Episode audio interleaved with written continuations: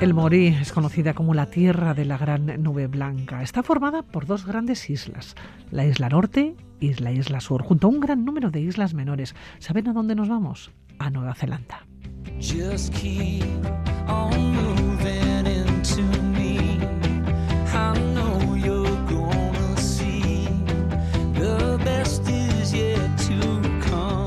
Para que se haga una idea, Nueva Zelanda, notable por su aislamiento geográfico, está situada a cerca de 2.000 kilómetros al sureste de Australia, en el mar de Tasmania. Sus vecinos más cercanos al norte son Nueva Caledonia, Fiji y Tonga.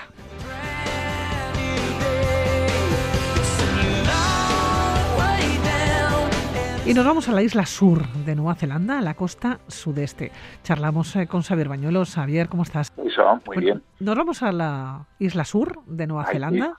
Oye, ¿dónde nos vas a situar? Porque son islas que son muy grandes, ¿no? Que ahí nos podemos eh, perder. Son islas en las que a menudo hemos soñado pensando en coger una caravana, una furgoneta y ah, discurrir por ellas. eso es maravilloso y perderte un poco, ¿no? Por la gran riqueza, además, eh, que tiene la gran variedad de flora y de fauna. Pero estamos en la isla sur, concretamente nos vamos a la región de Otago. Eso es, nos vamos a la costa sudeste de, la isla sur y, como bien dices, estamos en la región de Otago, ¿no? Que, bueno, es, uno de los eh, lugares más, desde mi punto de vista, más interesantes de, toda esta parte meridional de, de, la isla sur. Bueno, no sé por qué digo esto, porque en realidad yo soy un enamorado de Nueva Zelanda, ¿eh? Es decir, he estado dos veces y si mañana me dices, oye, Xavi, nos vamos a Nueva Zelanda, hago las maletas. y te vas pitando. A pesar de que, ¿cuántas horas para llegar a Nueva Zelanda? Bueno, eso eh, depende un poco, pero échale que unas... Yo las dos veces que he estado, creo que tardamos alrededor de 30 horas más o menos haciendo... La primera vez hicimos escala en Singapur y la segunda vez hicimos escala en Tokio bueno, la segunda escala, ¿eh? porque fuimos Bilbao, Frankfurt, Frankfurt, eh, Singapur, luego Frankfurt, Tokio, y luego de ahí ya otro vuelo hasta, hasta Nueva Zelanda, eh, concretamente hacia, hacia, hasta Auckland. Eh, pero bueno, pues eh, sí, es que son nuestros antípodas. Entonces es el viaje, el viaje más largo. Más largo, ¿no? Sí, eso es. Sí, exactamente, es algo que ya te pongas a dar la vuelta eh, a, la Tierra, ¿no? O sea que necesitas, necesitas tiempo para llegar, pero luego la recompensa es muy grande. ¿eh?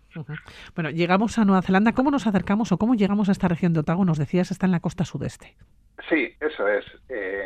bueno, pues normalmente lo que solemos es hacer volar hasta Auckland o volar hasta Christchurch Auckland está en la, en la isla norte eh, y, y, Christchurch está en la, en la costa sur. Entonces depende, depende cuál sea el itinerario que vayamos a hacer, si vamos a ver las dos islas o si vamos a ver solamente una o qué, ¿no? Pero vamos, normalmente lo que se hace es eh, cuando se llega allí, pues puedes alquilar un coche, una autocaravana, lo que sea, vas haciendo el recorrido y bueno, pues eh, Otago es una de las paradas que se hacen dentro de, de la isla. Si partes de la isla norte, pues habrás ido hasta Wellington, allí coges un ferry hasta Picton y continúas y continúas camino por carretera. No hay ningún, ninguna dificultad, ningún problema. Eh, Nueva Zelanda está muy preparada además para este tipo de, recorridos y de itinerarios. Oye, la población es eh, la población maorí es mayoritaria.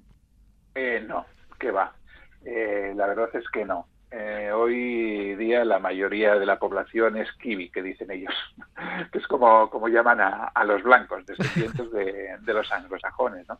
Pero fíjate, en esta región, Otago, bueno, como en casi toda Nueva Zelanda, sí se nota evidentemente la presencia maorí, ¿no? Y en la toponimia, pues es, eh, es algo constante. De hecho, Otago, eh, en realidad es la pronunciación inglesa de Otakou, ¿no? que es una palabra maorí que significa bueno, no se sabe muy bien si pueblo aislado o lugar de tierra roja. Yo he encontrado las dos, las dos eh, traducciones, ¿no?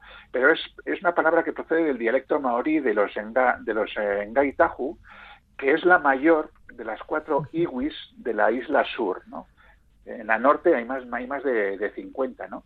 Y esta, esta iwi de la isla sur pertenece a la huaca Ngaitahu Wanui, ¿no? Que es, digamos, la que engloba a todas las iwis de la, de la isla sur.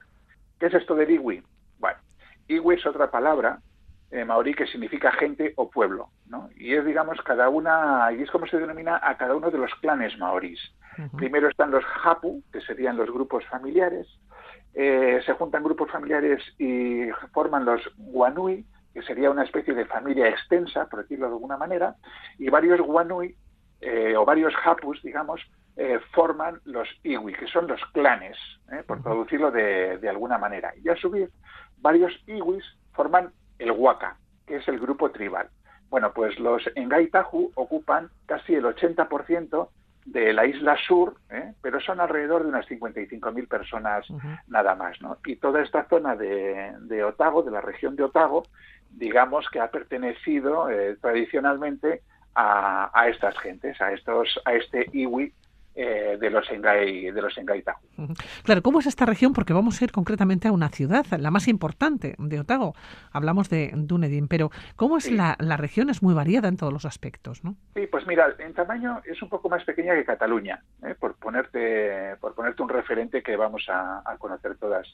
Eh, y es una región que va desde el interior de la isla, desde los Alpes del Sur, hasta la costa este y es una es, eh, es, muy variada porque como digo va desde las altas cumbres hasta el nivel de, del mar no entonces es una región con montañas y lagos en el noroeste eh, está allí por ejemplo el parque nacional Mount Aspring que es una auténtica delicia.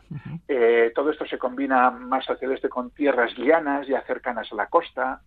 Te vas a encontrar con zonas casi vírgenes, hasta grandes extensiones de viñedos, porque esta zona eh, bueno, Nueva Zelanda en general, pero esta zona es eh, una zona donde se producen buenos, buenos vinos, ¿no? Y es una, es una tierra eh, casi despoblada, bueno, en realidad como casi toda la isla sur, hay muy poquita población, ¿no? La densidad de población es muy, muy pequeña, con lo cual, pues bueno, te vas a encontrar pues con paisajes donde lo que vas a ver es, mm, pues eso, montañas, extensiones de praderas, lagos, ríos, muchas ovejas, y muy poquita gente. Qué maravilla. Sí, y luego también, pues bueno, tienes también algunas ciudades, ¿no? Por ejemplo, Queenstown, que quizás sea la más conocida, más que nada, pues porque es la capital mundial del deporte de aventura, ¿no? El, el bungee jumping, lo que aquí llamamos eh, puenting, pues se inventó allí y demás, ¿no? Entonces, si quieres practicar deportes de aventura, vete a Queenstown, pero es una ciudad pequeñita. Y luego están, por ejemplo, Oamaru, y sobre todo está Dunedin, ¿no? que es la, ciudad más, más importante y más poblada de toda la, la región.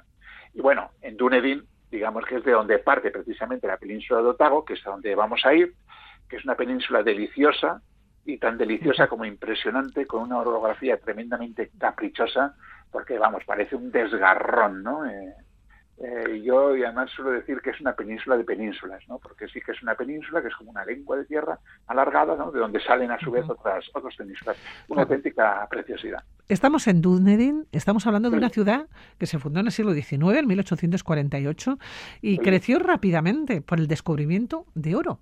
Sí, efectivamente, bueno, por el descubrimiento de oro y por más motivos, pero fíjate, fíjate es una es una ciudad que parece sacada de contexto, ¿no? Como, como en realidad casi todas las ciudades de la zona, porque, claro, uno se encuentra con los restos de la cultura maorí, bueno, restos, eh, he dicho mal, porque la cultura maorí sigue viva, ¿no? Pero bueno, te encuentras con, con, la cultura maorí y a la vez te, encuentras con esa cultura anglosajona que todavía pervive eh, o que es mayoritaria incluso que en, dentro de, de, las islas, ¿no? Y concretamente Dunedin es una especie de Edimburgo trasladada a, a los antípodos, ¿no? Es la principal ciudad de la región de Otago, ¿no? Y está, como digo, situada junto al istmo de la península, en su lado norte, ¿no? Al final de, del Otago Harbour, o Bahía de Otago, si lo prefieres, que es una larga y estrecha entrada de mar de unos 20 kilómetros en línea recta. Está justo, justo situado en, las, en los antípodas de La Coruña. Es una ciudad más o menos eh, de unos 120.000 habitantes, 126.000. Es la segunda ciudad eh, de la isla después de Christchurch. Y es una ciudad que tiene además un carácter muy juvenil porque eh, bueno, pues eh, está allí la Universidad de Otago, que es la más antigua de Nueva Zelanda, se fundó en 1869, y bueno, pues esto hace que, que, que haya cantidad de jóvenes, ¿no? Solamente la, solamente la universidad ya tiene 21.000 alumnos, y a esto le sumas la, la, población propia que no te viene de otros lugares, pues imagínate, ¿no? Jóvenes por todas partes, con lo que esto supone, ¿eh? con lo que esto supone de, de vivacidad para, para una ciudad, ¿no? Y sí que es cierto que es una ciudad efectivamente relativamente joven, el primer europeo que llegó allí fue James Cook, allí en febrero, marzo de 1770. Eh, a él le siguieron cazadores de focas, eh, se estableció en emplazamientos de balleneros a comienzos del 19, pero no fue hasta 1900, 1844 eh, cuando la Compañía de Nueva Zelanda, que se dedicaba a la colonización de las islas, fijó su, su vista, digamos, en esta zona y mandó allí a un representante, Friedrich Tackett, que se encargó, digamos, a, a inspeccionar un lugar eh, donde establecer una, una, colonia, ¿no? un poco también impulsado por la Iglesia Libre de, Escocia. Y es, eligió esta zona eh, para fundar lo que se llamaría Nueva Edimburgo, la idea de fundar algo que se llamaría Nueva Edimburgo. ¿no? Y la, y la fundación se produciría efectivamente en 1848 con emigrantes escoceses. De hecho, Dunedin viene del nombre gaélico de Edimburgo, de Dun Eidean. ¿eh? Por lo tanto, eh, digamos que es una, es una ciudad escocesa, digamos, trasladada a los antiguos. Oye, sí, sí, te iba a preguntar si estamos allá, ya en, Dunedin, eh, ¿qué es lo que podemos ver? Es una pues ciudad que, como si estuviéramos en Edimburgo, vamos a situarnos, ¿no? Pues o parecido, sí. Sí, se puede ver muy, cosas muy interesantes, porque digamos que aquí hubo un personaje que se llamaba Charles Cattle, que fue un aventurero y que fue el responsable de reconocer todo el terreno y de diseñar la nueva ciudad. Entonces lo que él hizo fue más o menos intentar copiar las características de Edimburgo, tomando como modelo el Newtown de la ciudad, que es una, una zona de Edimburgo que es una auténtica preciosidad. ¿no? De hecho, está considerada una obra maestra del urbanismo neoclásico, que se hizo entre 1765 y 1850, ¿no? diseñado por James Craig, un, arquitecto de, de, la época y que de hecho es patrimonio de la humanidad. Bueno, pues quiso trasladar todo esto con un estilo más romántico, más atrevido, ¿eh? aunque sí respetando las simetrías y las proporciones que tenían ahí en el, en el Newtown. En el ¿no? Por lo tanto, tenemos un, un paisaje urbano ordenado, bello, pero menos formal, con más chispa incluso, ¿no? Es racional, pero a veces es dramático, como por ejemplo la, la, calle Baldwin Street, que es impresionante, de hecho está considerada la calle más empinada del, del mundo, ¿no? Entonces, partiendo de esta idea, ¿qué podemos ver? Bueno, pues primero, el octógono, que digamos es el culmen de la concepción urbanística de Ecketen, ¿no? Y está en el centro justo de la ciudad de Dunedin. Es una gran manzana octogonal, con una plaza central de ocho lados, una calzada circular de un solo sentido que está atravesada por la calle principal. Y aquí, en el octógono, se encuentran, digamos, los edificios más destacados de la ciudad. Por ejemplo, la Catedral Anglicana de San Paul, ¿no? Eh, que se construyó prácticamente entera en el siglo XX, que es un edificio, muy extraño, rechoncho, ¿no? porque no, no, no, tiene torres, ¿no? Ahí sí, entre neogótico y modernista, ¿no? Fíjate tú qué, qué, qué mezcla. Está el ayuntamiento, al ladito de la, de la catedral, ¿no? Eh, que es un edificio de, entre 1880 y 1930. ¿no? Es un pelín sofisticado, también es una mezcla de estilos, neorrenacentista y neobarroco también, ¿no? O sea, fíjate también qué, mezcla más, más peculiar, ¿no? Eh, luego está la Galería de Pública de Arte, eh, donde se exponen pues bueno artistas nacionales e internacionales y tiene la verdad una colección de acuarelas que merece la pena. Es muy chula. ¿Qué más tenemos allí? El Regens Theater, por ejemplo, eh, es una ciudad con mucho, mucha vocación teatral. ¿eh? Si, si, uno sabe inglés y tal, eh, yo le recomendaría que fuera al teatro ahí en, Dunedin. Y luego está la estatua del poeta Robert Burns, que bueno, el gran poeta escocés, digamos, ¿no? que escribió en Scottish, en el dialecto eh, escocés, no en gaélico, sino en dialecto escocés, digamos, del inglés, y que era tío de Thomas Burns, que fue un líder religioso de la Iglesia Libre de Escocia, que, fue uno de los fundadores de, de Dunedin. Esto en el octógono. A partir de ahí, pues tenemos más cosas. La estación de ferrocarril, una auténtica preciosidad neoflamenca con tintes románticos, construida con basalto y caliza de la zona de Oamaru. Eh, ¿Qué más tenemos? La Basílica de San Patricio. De San Patricio, eh, sí. de 1894. El exterior está inacabado, pero el interior es muy bonito. ¿eh? Es muy bonito de inspiración, además, renacentista pagadiana. De repente parece que te has trasladado a Italia. Es una auténtica pasada. Eh, y luego, como buenos escoceses, pues hombre, algún castillo tendría que haber, ¿no? Entonces, los dos únicos castillos de Nueva Zelanda están aquí.